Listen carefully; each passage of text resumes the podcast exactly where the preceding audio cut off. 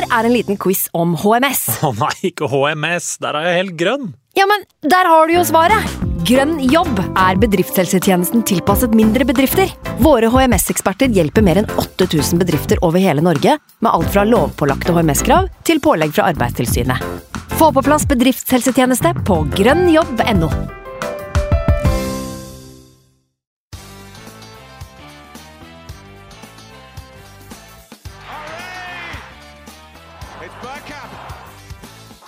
Now! The next station is Arsenal. Hei og velkommen skal du være til en splitter ny episode med Arsenal Station. Til vanlig med Magnus Johansen og meg, Simen Goffeng. Men det er dessverre på sin plass å starte denne episoden med å sende kondolanser og omtanke i retning Løten, ettersom eh, Magnus mista bestefaren sin tidligere denne uka. En bauta og en legende, som Magnus selv beskriver han som. Og at hodet da ikke er helt innstilt på fotballprat, er jo naturlig nok veldig forståelig. Og derfor har podkastens ekspertinnslag fått fri i dag. Men slapp helt av, det var aldri noen fare for at jeg skulle bli sittende alene. Inn som gjest har vi nemlig fått ingen ringere enn sjefen sjøl, det må gå an å si det. Leder i Arsenal Norway, Ronny Madsen. Velkommen tilbake til podden, Ronny. Jo, takk. Eh, hyggelig å bli spurt. Eh, det var synd for at ikke Magnus kunne komme eh, med i programmet, men kondolerer til Magnus igjen. Jeg gjorde det også på Twitter. Eh, det er fullt forståelig at han ikke kunne være med i dag. Ikke sant. Nei da, omstendighetene er jo dessverre sånn iblant. Det har ikke vært noe suveren start på 2022, dette her, med, med sånne nyheter. Men uh, da må vi jo håpe at ikke det er uh, beskrivende for resten av året, og at det heller går oppover herfra. Satser på det. Ja. Nei, strålende at du er med. Du er jo, har jo vært med her uh, hvert fall én gang. Er kanskje flere, til og med. vi har jo vært heldige og fått, deg, fått dine kloke tanker med tidligere. og syns jo at uh, nå som vi tross alt har dette samarbeidet med supporterklubben, som vi jo er inne på i hver eneste episode, egentlig, eh, framsnakker eh, den jobben eh, Arsenal Norge gjør, og, og Arsenal Norway, det er jo viktig å, å si det riktig her. Eh, ja. Både som supporterklubb, men også som fora for supporterne på, på gunners.no. Så syns jeg det er strålende at vi kan ha med du som på en måte står som ansvarlig da, for, eh, for supporterklubben. Ja, nei, det er jo veldig hyggelig å bli invitert inn. Og så er det jo kjekt å ha en samarbeidspartner som, som promoterer oss uh, på riktig måte. Det er jo mange som hører på. og Jeg håper det at uh, lyttertallet blir ja, økende. De, de kryper sakte, men sikkert oppover fortsatt. Så vi får håpe at det er et godt tegn, og at det, det er noe vi alle, alle, parter tjener på, sånn sett. da. Ikke at det er noe å tjene på det i, i kroner og øre her, men det er jo et engasjement for klubben vår ja. som vi ønsker å ja, spre det glade budskapet rundt. da. Ja, det er jo kjekt å samle folk. Eh, det er jo egentlig det vi er ute etter. Og at eh, når denne pandemien er over, at vi kan faktisk treffes uh, langt oftere enn det vi har gjort de siste to årene. Uh, yes. For det er jo et savn. sant? Så. Du, du, var vel blant de, du Ronny, som hadde planer om å ture over til eh, London like før jul her. det var vel ganske mange av norske Gunners på, den, på de flylistene der i utgangspunktet. men ja. du var blant de som si, snudde, snudde like før avreise.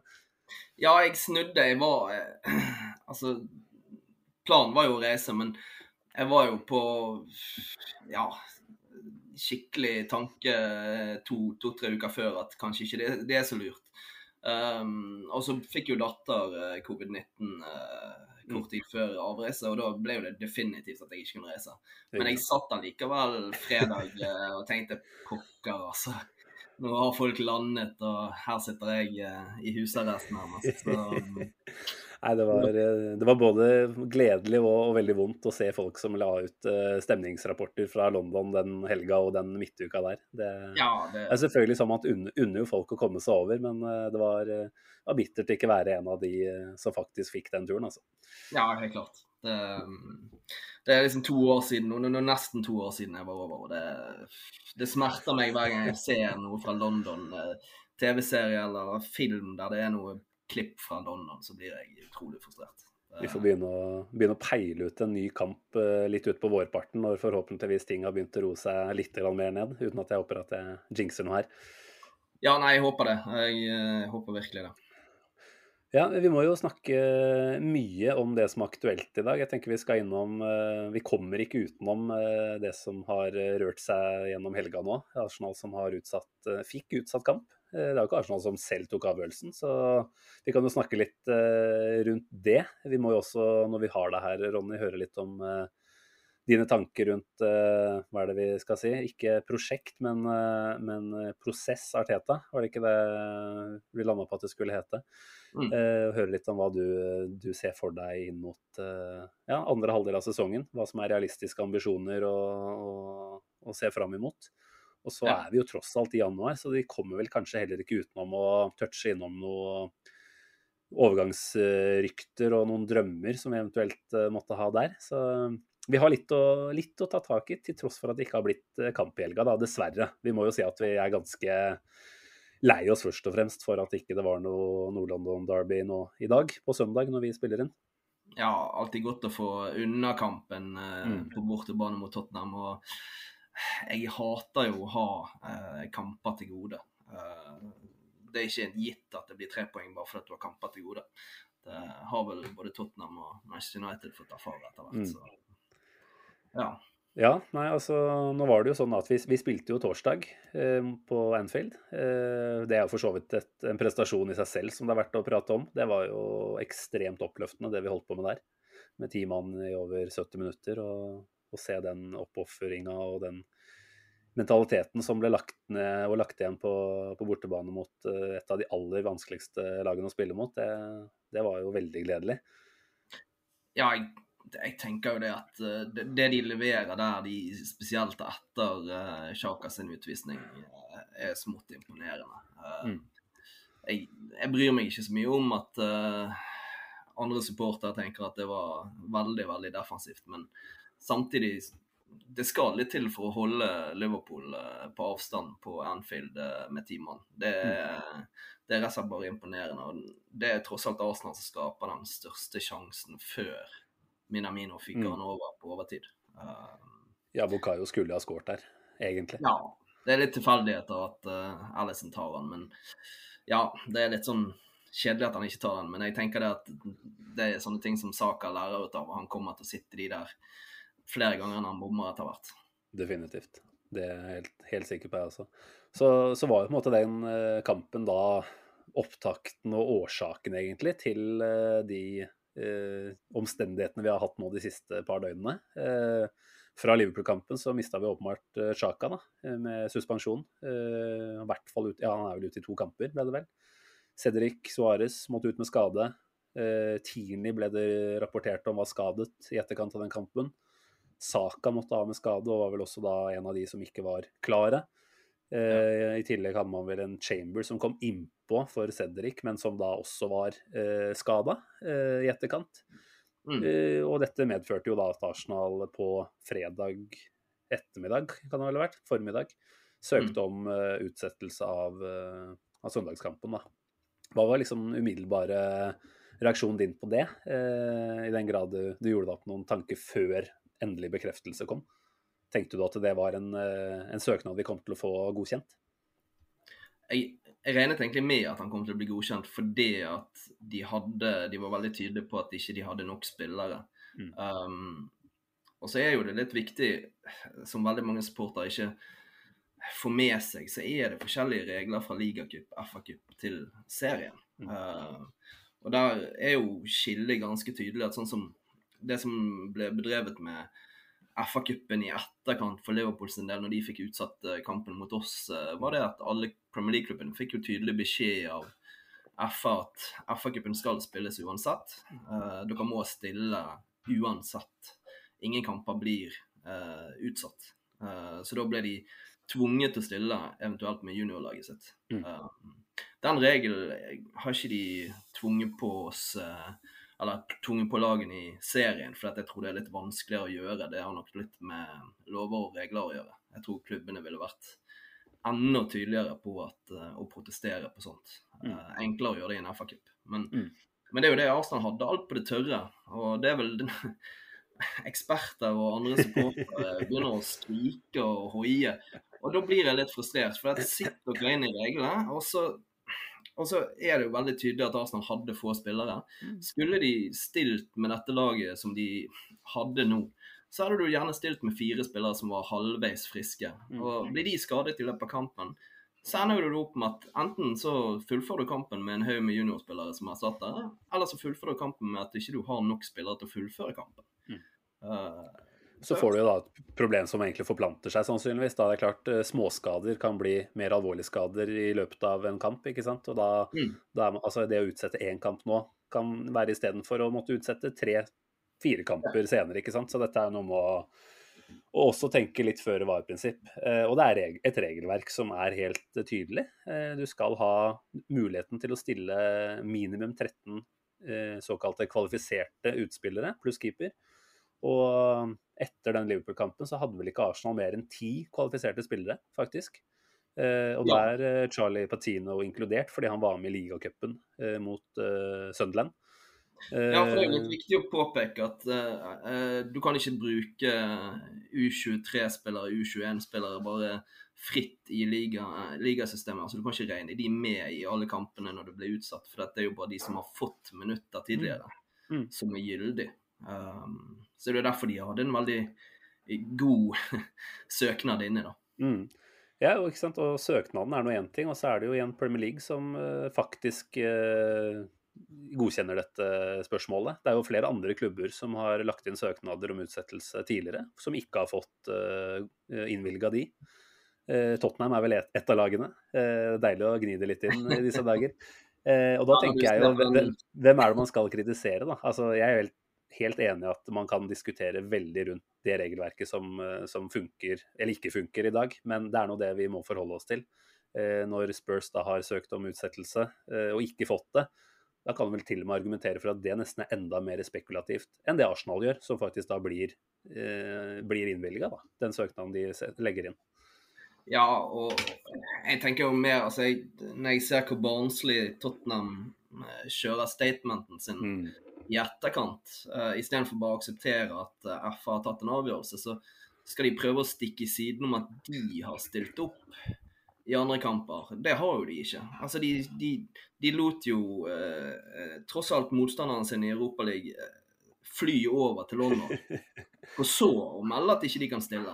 Eh, så Nei, jeg syns jo det, det viser jo egentlig liten klubb mot stor klubb på en måte. Det er så deilig.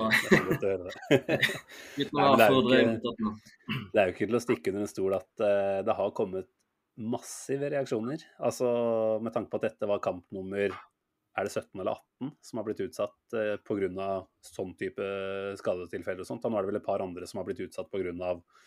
cupspill som da ville eh, gått utover ligaspillet.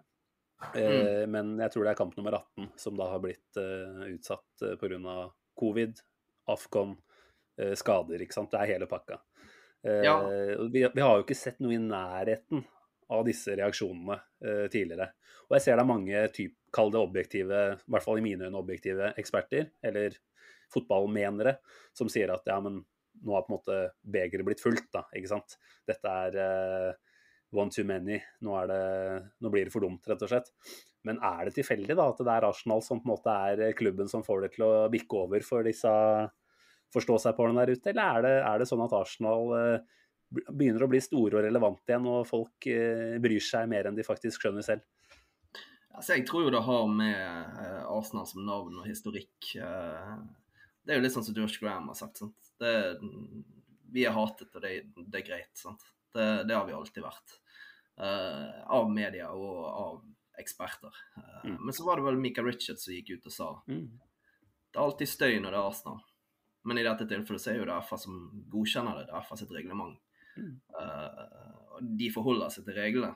Og ja, Arsenal utnytter reglene her, men det er jo fordi at alle andre utnytter reglene. Hvorfor skal vi, uh, når vi har trøbbel med laget, hvorfor skal vi da si nei, vi bare stiller det? Mm.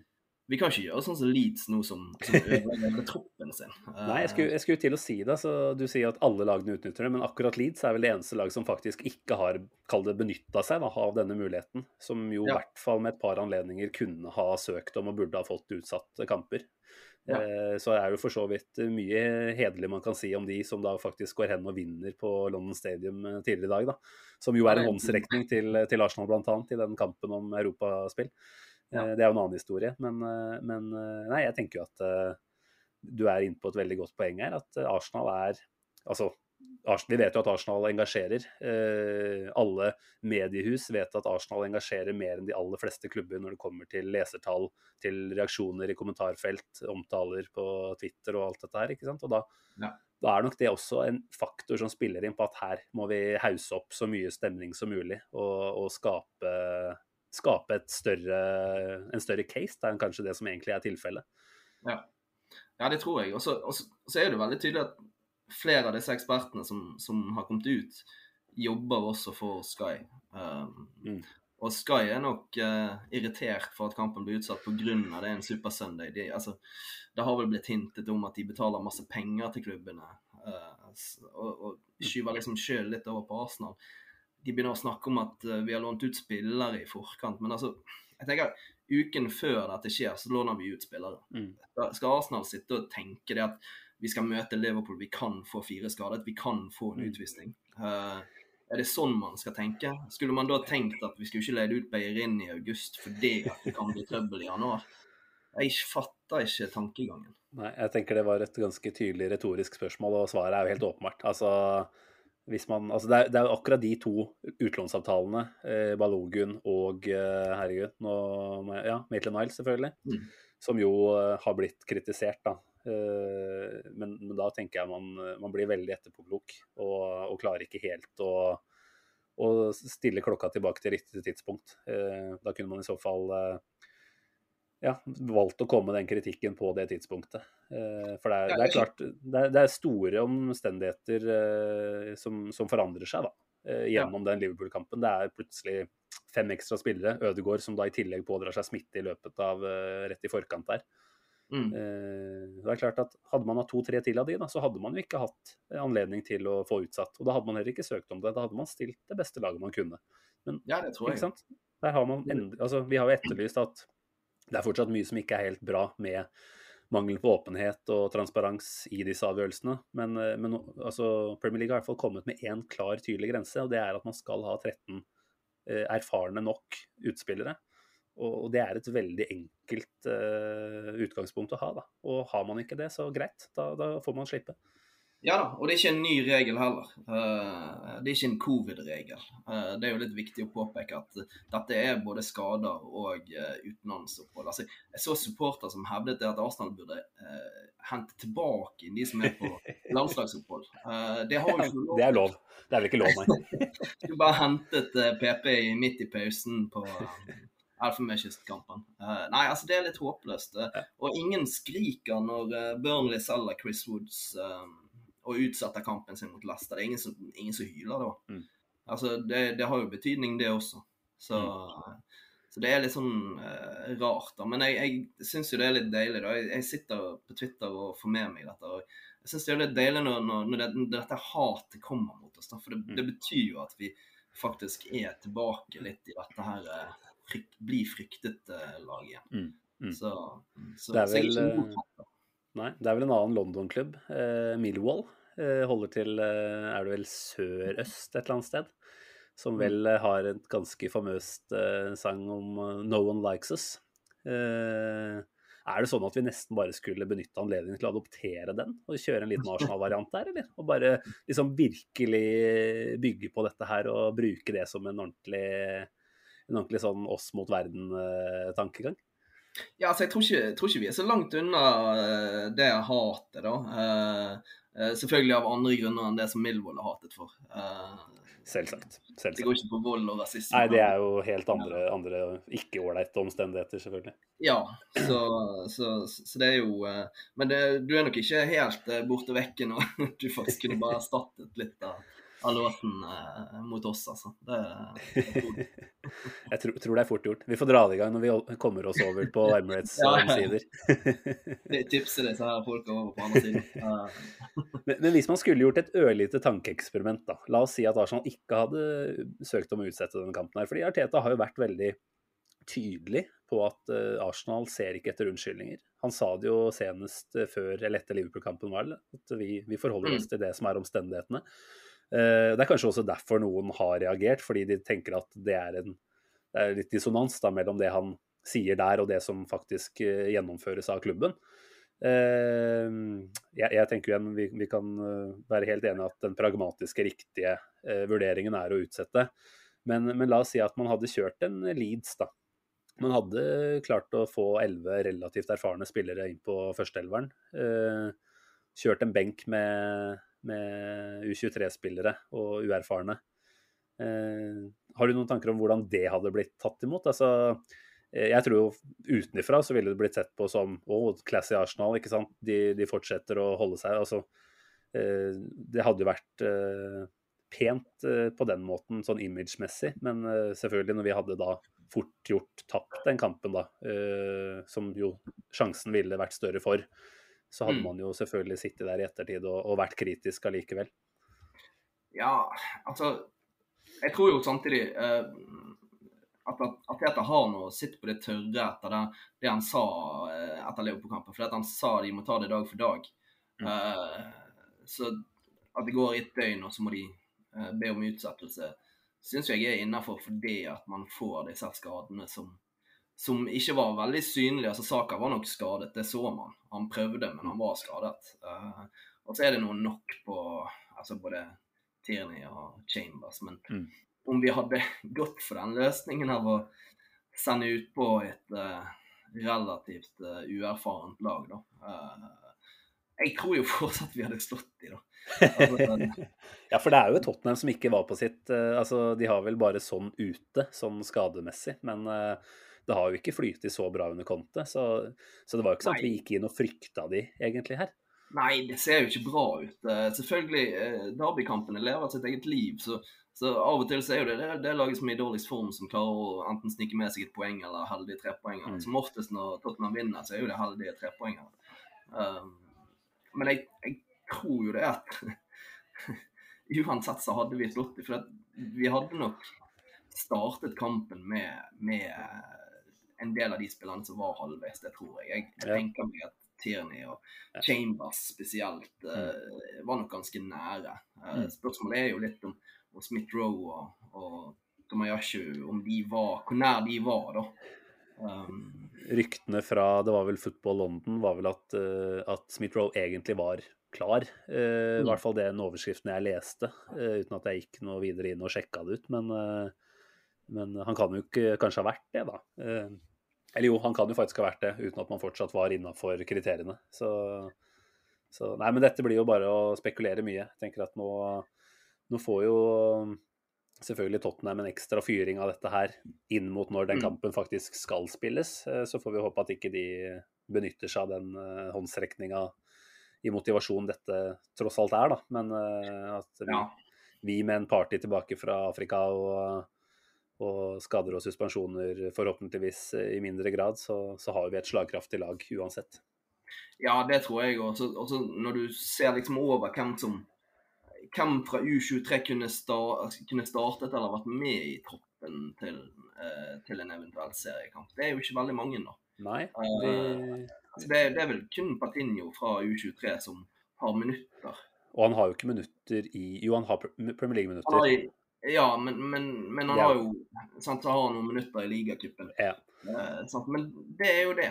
Det er jo ja, vi hadde jo yt ytterligere tre da, på Anfield på benken. Det var jo da Omari Hutchinson, Eh, som jo mm. har vært i kjempeform eh, i det siste. Eh, på U23, ja. da, vel å merke. Vi har jo fått sett noen eksempler på at det er ganske betraktelig differanse mellom de nivåene der, så det er ikke sånn at vi skal bli altfor gira av det nødvendigvis. Og så er det jo han nederlenderen Salah Din Olad Mhand. Det er vel en sentral midtbane, offensiv midtbanespiller. Og så er det jo han danske spissen Mika Biret. Ja. Så det er klart at hvis det er det vi hadde å, å komme med, Eh, så er det i tynneste laget. Ja, eh, det kan altså jeg. skjønner veldig godt at Arsenal har fått søknaden sin igjennom. Og, og mm. hadde andre supportere sett igjennom hva vi hadde mulighet til å gjøre, så, så hadde de skjønt det, de òg. Men de har ikke lyst til å skjønne det. Det er jo det som er hovedpoenget. Ikke sant. Uh, sant? Det er for mange som har lyst til å taste på tastaturet istedenfor. Uh, men det gir jo litt ekstra humor for oss, da. Nettopp. Det er jo det som er litt viktig her, at vi ler litt av det. Altså, Jeg skal ikke komme inn og mene noe om hvordan folk reagerer, men jeg skulle jo kanskje ønske at noen Arsenal-fans ikke framstår så, kall det, hårsåre, da. Uh, altså, le av dette her. Bare, bare sitt og kos oss med det. Altså, dette er, det er rett og slett eh, et tegn på at vi er relevante. Definitivt.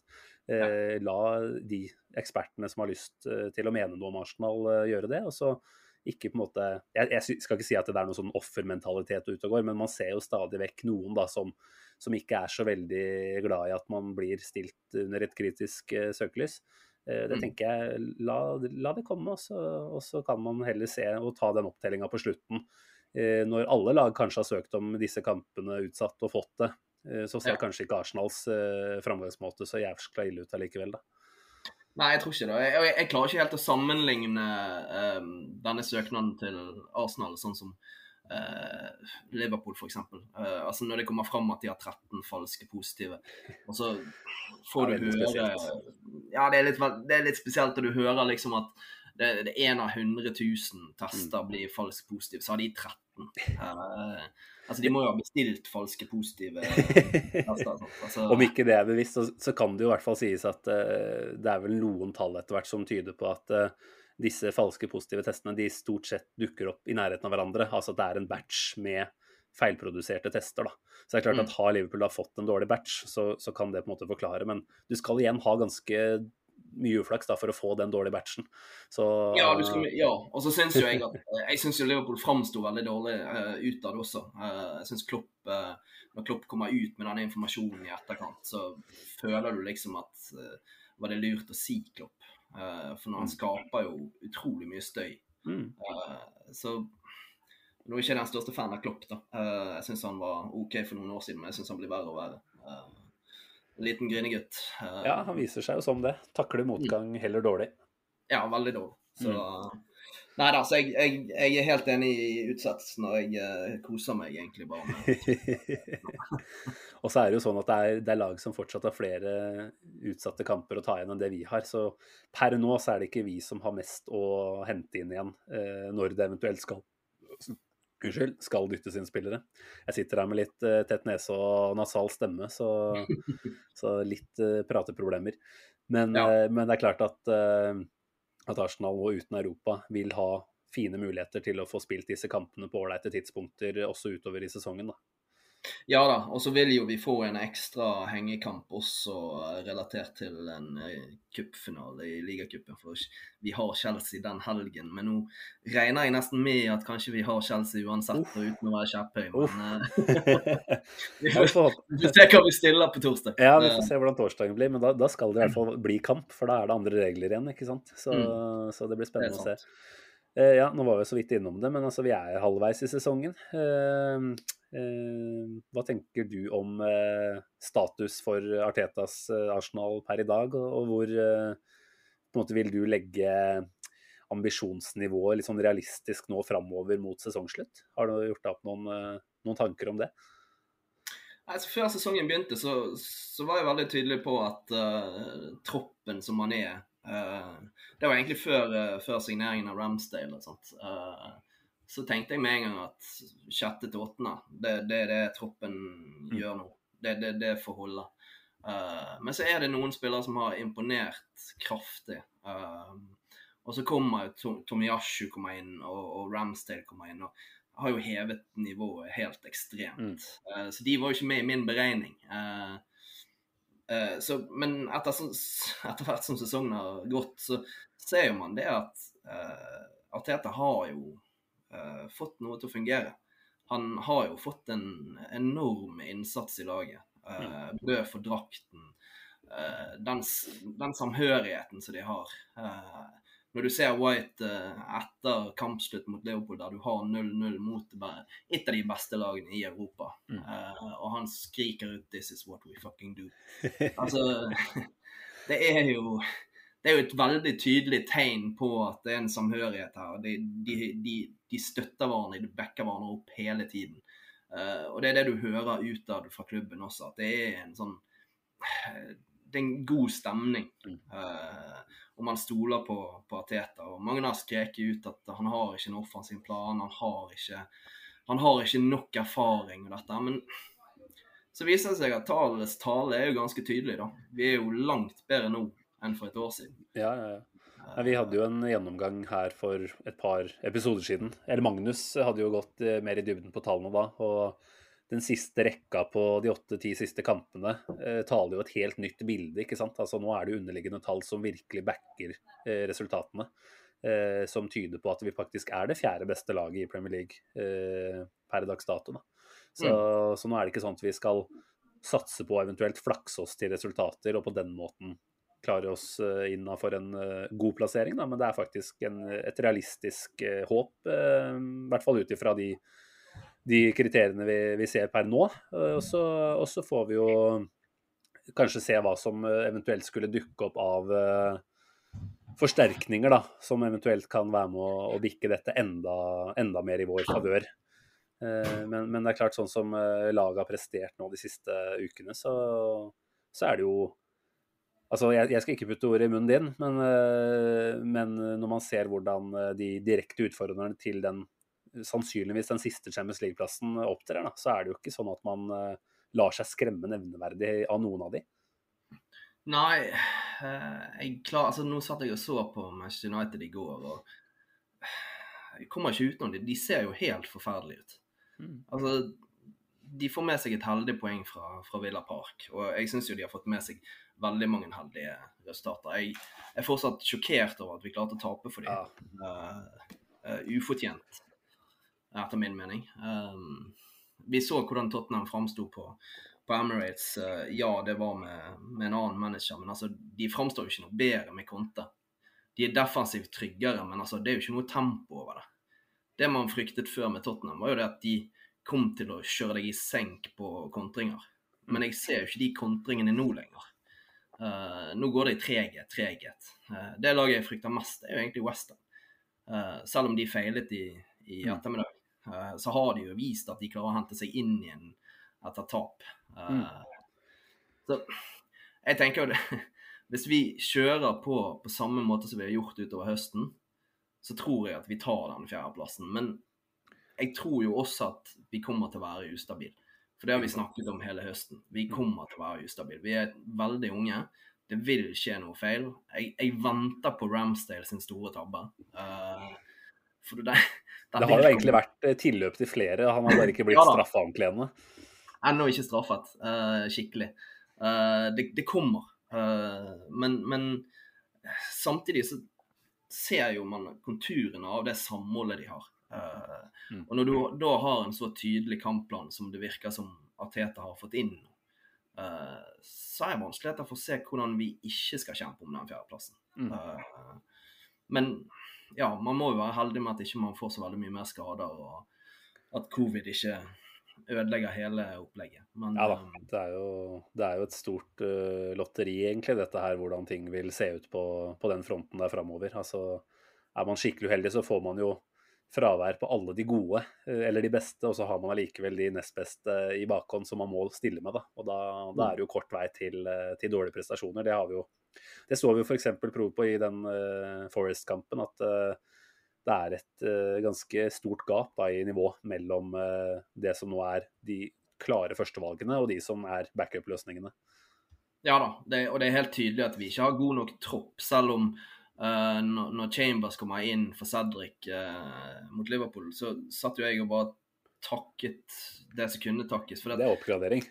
Ja, det er oppgradering. Altså, Uansett hvordan du vrir og vender på det. Cedric er noe av det verste Arsenal har hatt på en høyreback. Uh, hvordan han har landskramper, det, det fatter jeg ikke. Eh, det kan være han var god før. Eh, jeg har sett han i Southampton, han framsto i hvert fall som en bedre fotballspiller. Da. Men, men det, er det, det er dette med å gå fra en, fra en liten klubb til en stor klubb. Eh, så blir du på en måte litt tatt på det, da. Eh, for det, det, det steget opp er så kraftig.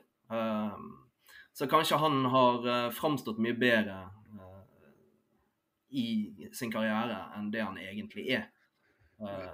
Eh, vi må jo tro at han viser noe på treningsfeltet som gjør at det er han, ikke Chambers, som har blitt plukka i noen av kampene. Eh, men det er, det er egentlig helt uforståelig at han fortsetter å bli plukka når han har disse prestasjonene stort sett uke etter uke. Eller ikke uke etter uke, men de gangene han faktisk er på. Da.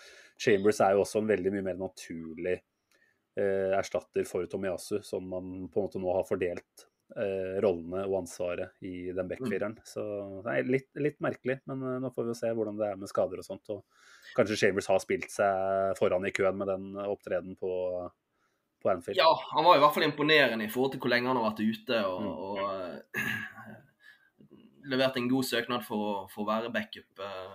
Men nå, nå, forsvinner det mange spillere ut til sommeren. flere som går ut av kontrakt. og jeg tror jo bare at Arsenal hvis de har en like god plan som de hadde i sommer, som supporterne ikke visste at de hadde, mm. uh, så tror jeg at de øker den kvaliteten på troppen. Uh, mm. For du skal ikke ryke mot Nottingham Forest. Uh, det skal du ikke gjøre. men du gjør det hvis du har en svakere tropp enn det du bør ha for å hamle opp med topp fire. Mm. Ja da, og det var vel også sånn at de, de, som skal være de beste og var ute på banen der, ikke at det var så mange av de, de var jo heller ikke på sitt toppnivå. Og så kan det selvfølgelig forklares ut ifra rekkekameratene. Men, eh, men, det var jo en, ja, en dårlig innstilling på Først og fremst, tenker jeg da, i den kampen der, som gjorde at man ikke klarte å hevde seg mer. Ja da, det er en kollektiv svikt totalt. Mm. Det var ingen spillere som framsto som bra. Det... Og det er jo trist, selvfølgelig. FA-cupen er jo, kall det vår turnering. Så det er klart å mm. ryke ut i tredje runde der, det er jo ikke ofte vi gjør det. og ja, Sist gang var vel kanskje i uh, Vi gjør Forest. det mot Ikke sant? Borte mot Forest. ja da, 2017 det var gøy. nå har vi vunnet så mange av det, så det går på en måte greit. Får vi heller ta ja. en uh, Carling Cup. Det, det, hadde jo vært morsomt, det også. Hadde vært kjekt. Det, det hadde det. Men uh, vi er i januar. Jeg var så vidt inne på det i stad. Vi må snakke litt om, om, det som eventuelt rører seg på, på overgangsmarkedet. vi har jo hatt en del navn oppe aller hyppigst eh, Dujan eh, Nei, Dusan heter han kanskje. Vlavic mm. Eh, fra Fiorentina. Alle har jo hørt om han nå, selvfølgelig. det har jo vært rykta egentlig at Arsenal har en ganske spikra avtale med Fiorentina. selv om de ryktene også har blitt motstrida, og de har sagt at det ikke har kommet noe bud. hvorpå på en måte den største, kall det humpen i veien, da er å komme til enighet med agenten, egentlig. Eh, det virker som agenten i større grad enn Vlaovic selv har eh, motforestillinger mot å takke ja til en overgang til Arsenal. Men, eh, men, litt om Jeg tenker at det er ikke såpass mye røyk uten at det er noe ild. Jeg tenker jo at her må det være noe som tyder på at dette er mannen Arteta ønsker. Hva, hva, hva tenker du om å peile at en 21 år gammel uh, Serie A-spiss, som uh, den som skal overta spissansvaret? Ja, altså han går jo inn under uh, det som Arteta og Edu er veldig tydelige på, at det, det er unge spillere, framadstormende spillere. Uh, han, han, er jo veldig ung, men han har jo en god track record nå. Mm. Uh, Mestskårende i Serie A 2021. Det var vel 33 mål på kalenderåret. Um, som er imponerende, for han, det, det, tangerte vel rekorden til Ronaldo i Serie A eh, for et kalenderår. Var vel til og med over eh, Ronaldo, tror jeg. Så ja. det er jo gode tall. Eh, og... Det er gode tall. Mm. Jeg liker jo ikke rykter, men man kommer ikke unna at det har vært såpass mye prat, og det har vært så mye fra forskjellige. Mm. At det må ligge noe der, da. Uh, jeg, tror jo ikke det har vært altså, Det kommer jo fram at det har vært bud, og så kommer det fram at nei, det har ikke vært bud. Uh, Fiorentina sier det har ikke kommet noe, uh, og så kommer det at Fiorentina er enig med klubben. men at agenten sitter der og, og, og skal ha penger. jeg syns agentvirksomhet er en råtten greie. De burde jo ha endret hele opplegget. Helt klart.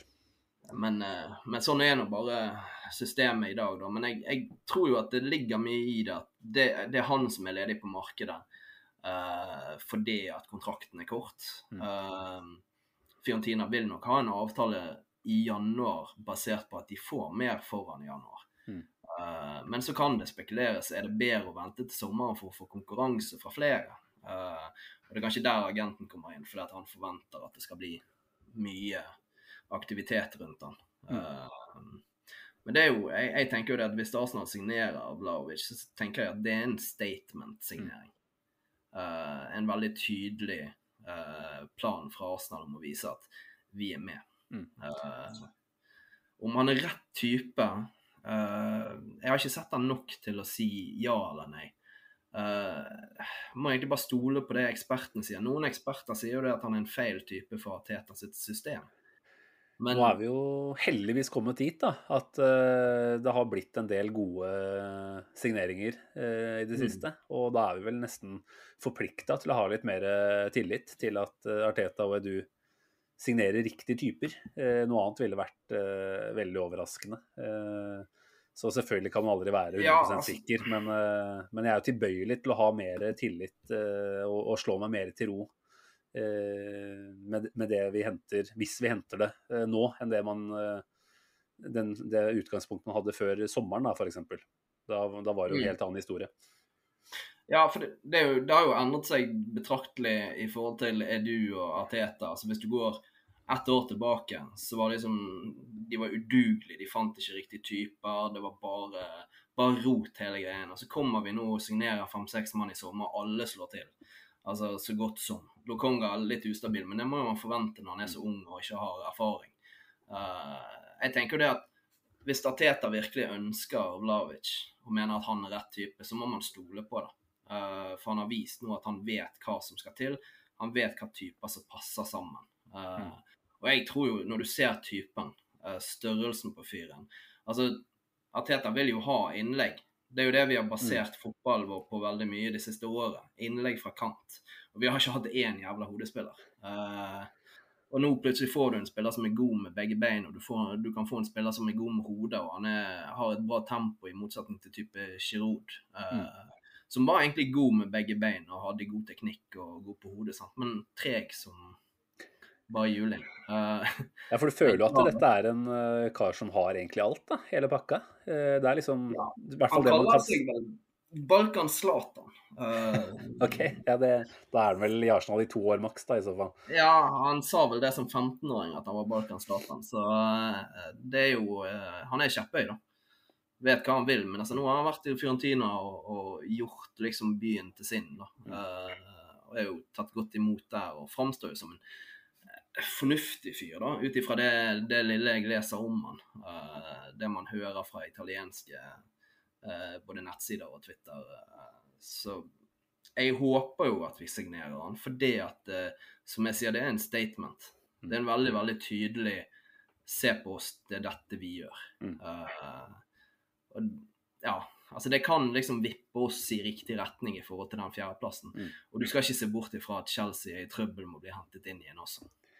Nei, altså, det, igjen, Vi skal ikke snakke om kamper i, i bakhånd, men vi har to kamper eh, mindre spilt og er åtte poeng bak, så veien opp dit er ikke nødvendigvis eh, så veldig lang lenger. altså. Nei, han er ikke Så, det. nei, men eh, det blir spennende å se, altså. Jeg tenker det ville jo vært drømmesigneringa i mine øyne. I Mm. hvert fall ut ifra det vi har blitt rykta til. Vi har jo hørt snakk om Alexander Isak. Han er jo langtidsskada, vel, så det er vel ikke så aktuelt da. Eh, Calvert Lewin hadde jo en god sesongstart og har vel også en profil som er spennende, men, eh, men som allikevel kanskje ikke vil eh, nå et samme toppnivå da, som vi kan tro at Vlaovic eh, sannsynligvis er på vei opp til. Ja, enig i det. Mm. Um, Vi har, eh, vi har fått inn noen spørsmål angående overganger. Eh, Fredrik Heierstad. eh, For så vidt en stund siden spørsmålet har kommet inn, men eh, vi har jo ikke podda på noen dager og uker, så vi, vi har latt det hope seg opp litt. Han har et annet navn også på blokka her, som vi har vært rykta ganske kraftig til nå i det siste. Arthur Melo, midtbanespilleren til Juventus. Som jo kom dit fra Barcelona for et par sesonger siden. Der er det vel ganske, ganske, snakk, ja, ganske konkret prat om at eh, den avtalen nærmer seg noe, men at eh, Juventus trenger å få på plass noe erstatter også. Eh, er det en person eller en spiller du har, har noen formening om, eller? Jeg har bare sett han i et par kamper. Jeg bare vet liksom hva han, hva han kom til Barca for, mm. som et kjempetalent. Og, Mm. og noe som ikke har blomstret helt, og i hvert fall ikke blomstret i Fiorentina. Han har vel bare åtte kamper denne sesongen, og de har spilt 23 i ligaen. Eh, men uh, det kom vel i kveld ut at uh, avtale er uaktuell for Juventus. Eh, Ok, ja. Så jeg tror eh, den kommer vel fra litt sånn konkrete kilder på Twitter. Uh, kom rett før vi gikk i sending her. Det er godt det er noen som er oppdatert. Det er nydelig. Ja. Jeg tror, jeg tror, uh, hvis vi skal stole på det, da, så, så er ikke han aktuell. For der var det snakk om at de måtte ha erstatter. Mm. Så startet de han i kampen i går. Uh, Ja, så litt usikker på altså Det er kanskje et hint til Mm. Melo at uh, du får spille.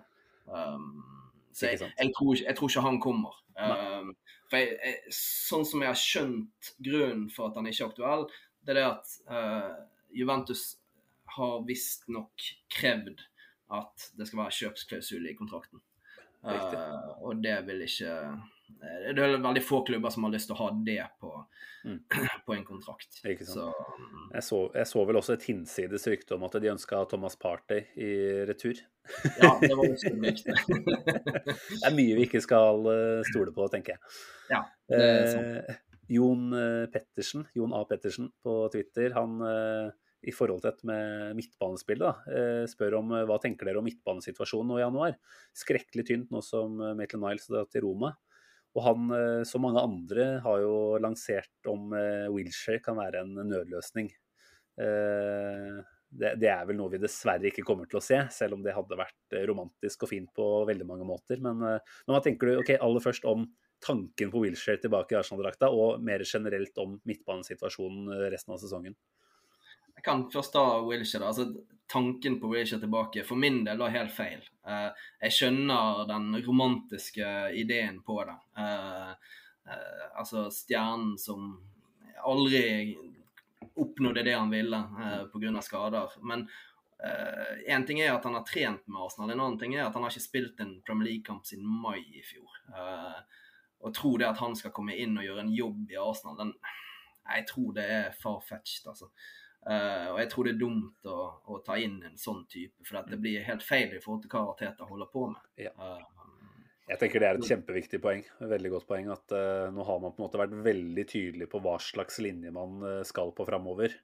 Så, Mm. så en sånn type signering, kanskje også en sånn Aaron Ramsey-drømmeretur som noen har uh, håpa på, og som vi igjen kan sikla etter og tenkt at åh, det er jo et, en nydelig historie. Men det også hadde ikke vært i tråd med Artetas eh, retning da, framover. Så Nei, jeg tror ikke de er ute etter korttidsløsninger lenger. Altså, Selv om type lån i seks måneder er en korttidsløsning, men det er en helt annen form for korttidsløsning. For de, de søker spillere på lån som er i en helt annen alder. uh, med, med mulighet for å kanskje signere dem til sommeren. ref Ødegaard. Ja, uh, den type signeringer. Mm. Eh, så jeg, jeg, jeg tror ikke det er noen god idé. Eh, det, det vil jo ikke skje heller, for det har jo Arteta bekreftet eh, og vært veldig tydelig på. Um, og, og hadde det skjedd, så, så hadde det skjedd før Liverpool-kampen. For Mm. vi var i trøbbel allerede der. Mm. Uh, så, så, så det er en uh, no go. Uh, men midtbanesituasjonen generelt er jo helt krise. Altså Inn mot Tottenham-kampen her så hadde du bare Lokonga. Uh, Mm. That's it.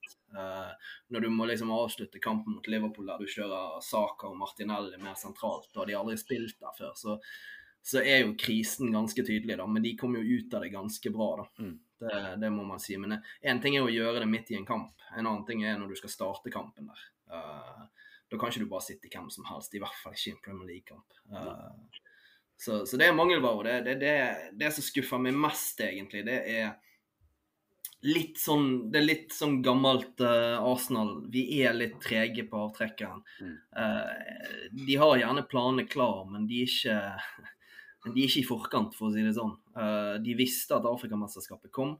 De visste hvor mange spillere som skulle vekk. Det var ingen overraskelse der. Hvorfor man da ikke har gjort en avtale innen 1.1, som man ser med andre klubber, spesielt eh, rettet mot eh, Bundesliga, sånn som type Bayern München, som alltid er i forkant av et overgangsvindu. De har alltid planer klare. Uh, hvorfor ikke vi der? Uh, og Det spørsmålet stilte jeg på et, uh, i, i London da jeg var på møte med Arsenal. Da stilte jeg det spørsmålet. Eh, da, da var jo den godeste Raoul som uh, Sanley som var i rommet. Uh, fikk ikke et veldig godt svar av han, men altså han svarte nå. Men eh, svaret var jo regelrett veldig enkelt. eh, it's difficult. Mm. Det var frykte. sånn. Det er, han, det, er, Eh, det er derfor disse karene får noen millioner for å ta de gode avgjørelsene og gjøre den gode jobben. da. Vi alle kunne sitte der og sagt at det er vanskelig, selvfølgelig. Ja. Men jeg tror det ja, det er ikke mye vi har lært av Raúl Sané. Eh, så Nei, det er en grunn for at han forsvant ut ganske kjapt der. Eh, Ja. Så, så, men, men ja, jeg savner jo en veldig sånn eh, Ja, vi må være litt i forkant av type januarvinduet. Jeg vet at det er et utrolig vanskelig vindu. Eh, Men da igjen, da, når man vet at det er vanskelig, så lar man allikevel Maitland Niles gå før man har noe annen løsning. Altså, ja, vi kan hylle mye av det de har gjort på overgangsmarkedet siste, men akkurat det der, for meg, det var rett og slett dumskap. Og ja, det kan godt hende at Maitland Niles har lagt et visst press på dette her, men eh, du kan ikke komme og si at det ikke hadde vært noen forståelse fra verken Maitland Niles eller Roma hvis man hadde sagt vi må ha deg de neste to kampene, og så kan du dra. Mm. Ja, altså det er jo litt sånn som eh, type Arthur Melo. sant? Uh, Juventus er veldig tydelig på at hvis vi skal la han gå, så må vi ha en erstatter på plass. Mm. Arsenal burde sagt det samme til Roma. Vi skal la han gå, men vi må ha erstatter.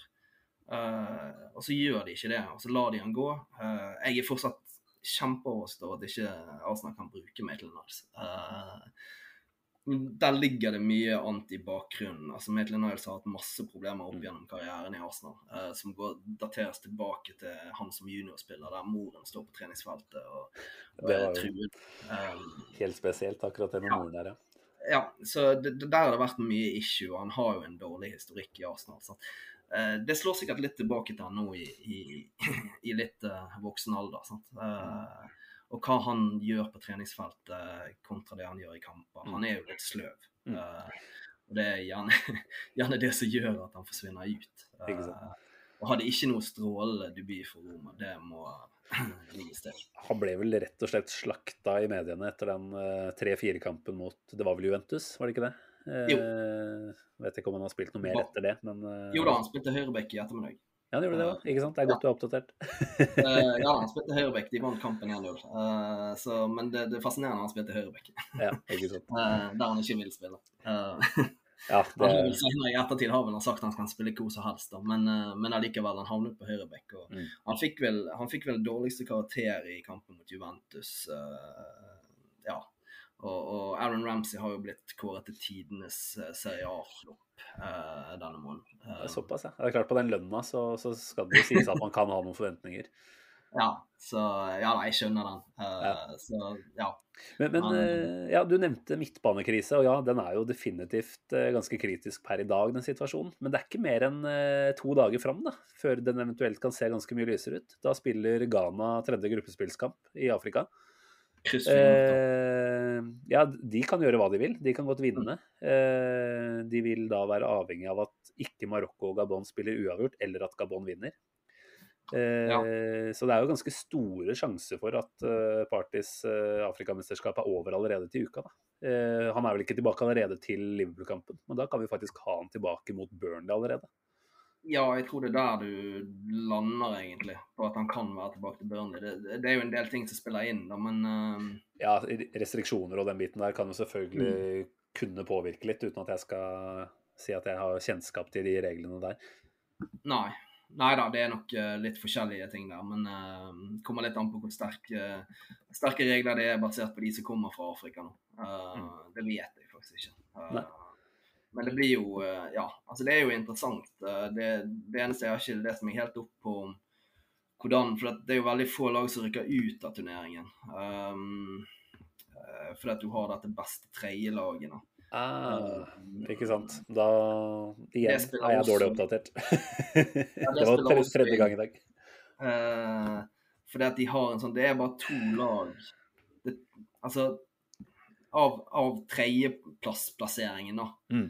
Eh, så er det bare to av de som rykker ut helt. Uh, ikke sant. Mens resten går videre. Uh, og den er litt sånn eh, Ja, men Da tar jeg tilbake alt jeg sa. Da er det ikke vits å håpe på for mye. Fordi Ghana mot Komorene, det skal vel ikke være noe annet enn rått parti.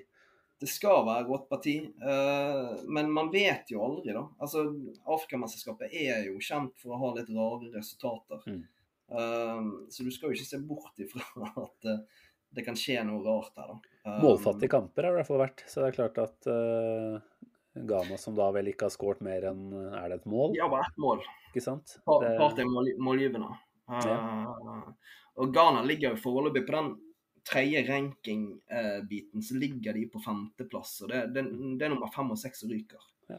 Uh, og de har allerede to kamper, mens Algerie som er på fjerdeplass, har bare spilt én kamp. Uh, Det er et godt men- kunnskapsnivå her, altså. Jeg tror Ghana er avhengig av å vinne uh, den siste kampen. Vinner ikke de den, så ryker Ja, faktisk. Taper Ghana siste kampen, så ryker de ut av turneringen. Ja, eller uavgjort, kanskje òg.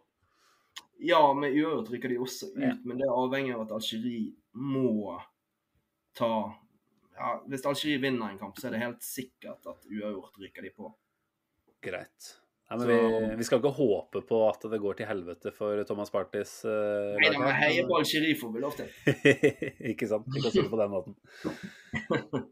Ja, nei, Vi får se hvordan vi kommer oss gjennom de neste ukene her nå. Nå er det jo eh, Ja, nå er det vel ikke noe halvgæli eh, kampoppsett. Eh, Jeg vet ikke om vi skulle tatt et sånn ørlite forsøk på å spå det med, i den grad vi faktisk kommer til å spille de kampene som er eh, satt opp, da.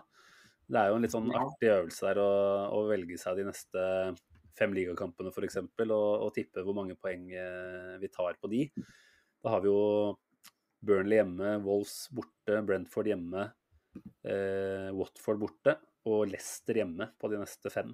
Eh, det høres jo umiddelbart ut som et overkommelig kampprogram. Ja, altså eh, Langt bedre enn det som har vært i det siste. Det var to Liverpool-kamper og Tottenham. Eh, eh, sånne ting som det. Så har det vært eh, Ja, det er jo for så vidt overkommelig, tenker jeg. Altså, jeg, jeg, jeg ser jo for meg vi kan, vi kan ikke se for oss at vi skal tape poeng mot Burnley hjemme. Det vil jo være fullstendig krise. Mm. Um, Wolverhampton borte blir tøft uansett hvordan du vrir og vender på det. det de, de skårer veldig lite mål, men de slipper jo nesten ikke inn mål. De har vel hva er det de har, 15 baklengs på, på 20 kamper. Og har begynt å skåre litt nå etter hvert òg. Ja, skåret vel tre i helgen. Sant? Mm. Så, så det er jo eh, ja, Den er tøff, da. Men uh, håpet der er jo at vi tar poenget, da. Eh, sant? Og, eh, står du med fire poeng der, så er det greit, sant. Mm. Um, så har du den Chelsea-kampen som ikke blir aktuell, og så har du Brentford, så vi skal ta tre poeng. mot. Skal hevnes. Revansjere den serieåpninga der. Ja, den skal hevnes, altså. Mm. Det, noe annet blir krise, um, tenker jeg. Og så, ja, 26-kampen går jo ikke. eh, Det Nei, Arsenal da er vi forhåpentligvis på Wembley. Ja, eller Liverpool-leder, dessverre. Uh, men bør bli oss, da.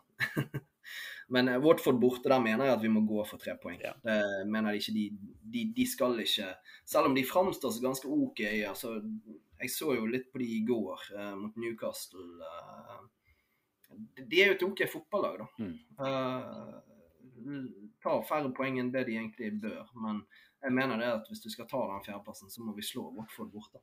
Utvilsomt. Det er jo ikke noe å diskutere på. Altså, De har hatt ålreite prestasjoner, men de har altså seks tap og en uavgjort på de siste sju. Én seier på de siste ti. Så, så det er klart at det er en kamp som eh, et topp fire-lag, hvis man tar mål av seg å være det, skal eh, vinne, rett og slett. Ja, Vi kan i hvert fall ikke gi dem en seier, sånn som vi ga Everton, som har én Mm. seier på 13 siste, og den ene seieren er mot oss. Jeg, jeg gråter. Det er ikke latter, det du hører der. Nei, altså, det er jo helt krise. Uh, så Men eh, nei, men altså, jeg, jeg, vi bør ikke tape noen kamper de neste kampene. Vi, Nei. Da har vi en Ja. Leicester eh, La oss si at vi, vi går for tre poeng borte mot, uh, mot Watford òg, satser på det. Mm. Og oppe i ti på fire. Leicester hjemme. Det er jo også et Det er klart alt avhenger av form og, og skade og fraværssituasjon. Men, eh, men jeg syns jeg kanskje hører noen antydninger til at det er en liten aksept i Leicester-læren for at eh, vi er kanskje ikke helt der oppe. Eh, nå har Mm. jo Juri Tilemans vært rykta til eh, bl.a. Arsenal. Først og fremst for en sommerovergang, men, Ja. men Brennan Rogers ble vel spurt hva tenker han om å kunne beholde han. Hvor han da på en måte på et sett og vis aksepterte at ja, nei, det, selvfølgelig vi håper at han blir, men vi skjønner at det kan bli tøft å beholde en spiller som Tilemans. Da. Og da tenker jeg jo det kanskje sier litt om hvilket sted eh, man opplever at laget befinner seg på. Ja, jeg tror jo det at eh, de har hatt forhåpninger om at de skal være mer stabile enn det de har vært. Um, Og, og at Juri Tilemans, eh, som han sier, sant, i den alderen han er, så må han ta noen valg. Uh, Det er jo et veldig stort hint at det bør ikke være i Leicester. Eh, og så er jeg litt usikker på er Brennan Rodgers i Leicester nå når Everton trenger en manager. Eh, Godt spørsmål. skal de gå til en ny Liverpool, til eks-Liverpool-manager? Jeg vet ikke. Uh, uh, det er vanskelig å si, da, men, men jeg mener det at man må ta tre poeng mot Leicester. basert på hvordan Leicester har framstått. Så, sånn som vi håndterte de på bortebane. Mm. Så var første Det var egentlig første skritt i riktig retning, følte jeg. Altså Da så du tegnene til Arteta eh, i riktig retning. Mm, mm. Ja, det var en kjempesolid kamp, selv om vi også hadde noen målvaktprestasjoner den dagen her som var ganske Ja spesielle. Men det er lov. Ja, Men, men det jeg hører da, Ronny, er at vi caller 13 av 15 poeng på de neste fem kampene. Ja ikke hold det imot meg. da er vi jo i så fall veldig oppi der. Eh, Mm. Og så kan det hende at det dyttes inn en Tottenham-kamp eh, innimellom en av disse. Det blir jo Ja, også jeg, tror ikke, jeg tror ikke den havner før i april, men Nei, hvis den er okay. tidligere, så Det er klart det er, Ja, jo ikke, ja, det er jo ikke noe Europa å forstyrre seg for Tottenhams del heller, så det skal Nei. være en del mulige datoer å putte den inn på. da. Ja, det er akkurat det. Mm, Så mm. ja, det blir interessant. Det gjør det. Det er mye å glede seg til. da. Det er klart, eh, Vi snakket vel på denne podden her, det var vel før sesongstart, eller veldig tidlig. Og er vel ikke kommet unna at man var en del mer eh, skeptisk da enn det man eh, føler at man er nå. Så åssen er det liksom sånn blodtrykksmessig og sånt som Arsenal-fan? Har du det litt bedre om dagen? Ja, det er litt rart å dra til Anfield, og så etter hvert som kampen går, så føler du deg trygg på at dette ser bra ut. Eh, eh, og pulsen er litt lavere uh, enn vanlig. Uh, frustrasjonen er mye eh, mindre enn en vanlig. Mm. Eh, så det ser jo veldig bra ut i en del kamper. Altså, men jeg, jeg tror jo som sagt at det vil være ustabilt. Man, man vil få kamper der man som man skal ta tre poeng i. Der feiler man. Eh, det viktigste er bare hvordan man Slår kommer tilbake etter en sånn kamp. Sant? Det, men nå har vi vist det at vi kan, vi kan kjempe mot de beste. Vi Mm. framsto ekstremt bra mot City, uh, der vi blir frarøvet Mm. tre poeng. Uh, vi framstår veldig godt defensivt mot, uh, mot Liverpool på, på Anfield. Så det er tydelig at vi ikke er noe walkover lenger for de gode lagene.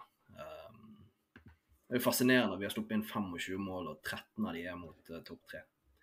Ja, det sier jo sitt, selvfølgelig, men så kan du igjen legge igjen mange av de eh, på et helt annet lag da, som spilte de første tre kampene i sesongen òg. Det er akkurat det. Så- nei, det er, eh, det er mye å glede seg til. Ja, det, det er mye Jeg tror det er mye å glede seg til, og jeg tror, eh, jeg tror vi bare vil se bedre og bedre ut etter hvert. Og så, og så bare tenk deg Saka eh, framover. Altså, tenk deg han om et år. Tenk deg han om to år. Eh, Det er helt- tiden han tilegner seg nå. Helt ekstremt hvilket nivå han spiller på nå i hver eneste kamp. Og da er det, liksom, da er det ikke bare snakk om hva han produserer av uh, assist eller mål, det er liksom totalpakka. Da. Alt han gjør nå Mm. er så voksent, og han er 20 år fortsatt. Det er nesten ikke til å tro. Jeg sa jo til en kollega som er Liverpool-supporter etter kampen på Anfield nå sist, så sa jeg det at uh, Robertson var jo livredd saken. Og det eneste responsen var ja, men det skjønner jeg. Eh, altså, for, for han var livredd. Uh, og når du ser Saka liksom, Han er ikke noen stor, stor gutt, men den styrken og balansen han har når han mottar ball, han tar med seg ball med mann i rygg og vender opp, eh, er helt ekstrem. Mm. Eh, når du har erfarne spillere som Robertson i ryggen, allikevel klarer du å holde fyren vekke fra ballen, og du klarer å vende han opp og vekk. Uh, det er noen egenskaper som svært, svært få spillere har. Mm. Så det, det, det gror godt, og så, og så ser du at U23-laget også gror det godt. Eh, så det er spennende tider. Det er det. det er det. Ja, men Det tenker jeg er et veldig hyggelig sted å gi seg for dagen, egentlig. Hvis ikke det er sånn at du kjenner at du brenner inne med noe helt eh, spesielt. Ingenting spesielt, egentlig. Uh, bare at lytterne eh, tar til seg at eh, Arsenal Norway er fortsatt eh, tilgjengelig for nye medlemmer. Det, vil komme, det vil komme turer, det vil komme fellesturer. Treff både Oslo, gjerne Bergen, Kristiansand om det skulle være. Mm. vi, vi vil selvfølgelig prøve å arrangere en del ting med en gang ting åpner seg opp og pandemien forhåpentligvis er over, om det, om det blir over. Man får håpe. Så, men takk for at jeg fikk stille. Det er alltid Vi kunne sikkert sittet her i tre timer uten å kjedet oss. Det er, det er stadig vekk mange punkter vi kan komme innom. Jeg tenker at nå, nå har jeg klart å sitte en time uten å nyse. eh, Og tenker at Da skal jeg være fornøyd med det og heller gi oss mens leken er god. Og Ja, så, klart. og så får vi heller eh, plukke opp tråden igjen når eh, vi går på en eller annen deilig seier, og så tar vi deg med igjen da. Eh, hvis, Ja. hvis du har tid. Det er eh, Ja, veldig hyggelig at du tar deg tid på en søndagskveld. Ja, det er bare til å hylle ut. Jeg er med uansett, så. Ja, men Bra, Ronny. Men da tenker jeg at vi, vi snakkes om ikke så altfor lenge. Vi snakkes, Simon. Eh, tusen takk til deg som lytter. Det setter vi veldig stor pris på. Eh, på gjenhør om ikke så altfor lenge. Ha det bra.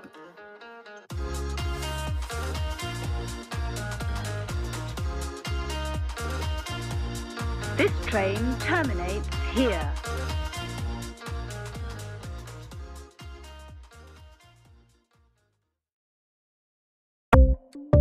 Ukens annonsør er HelloFresh. HelloFresh er verdens ledende matkasseleverandør og kan være redningen i en travel hverdag. Mange av oss har nok vandret i butikken både sultne og uten en plan for middagen, som ender med at vi går for de samme kjedelige rettene gang på gang. Middag burde være dagens høydepunkt. Som HelloFresh kan du nå velge mellom 25 ulike retter hver eneste uke, eller få HelloFresh til å sette sammen menyen for deg. Dette gir deg muligheten til å prøve nye og spennende retter alene eller sammen med familien. Du velger antall porsjoner og får alt levert på døren på et tidspunkt som passer for deg.